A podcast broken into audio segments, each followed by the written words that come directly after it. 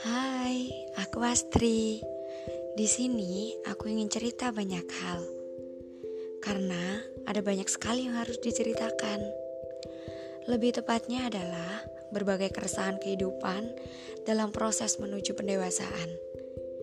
Buat kamu yang mendengarkan, terima kasih ya.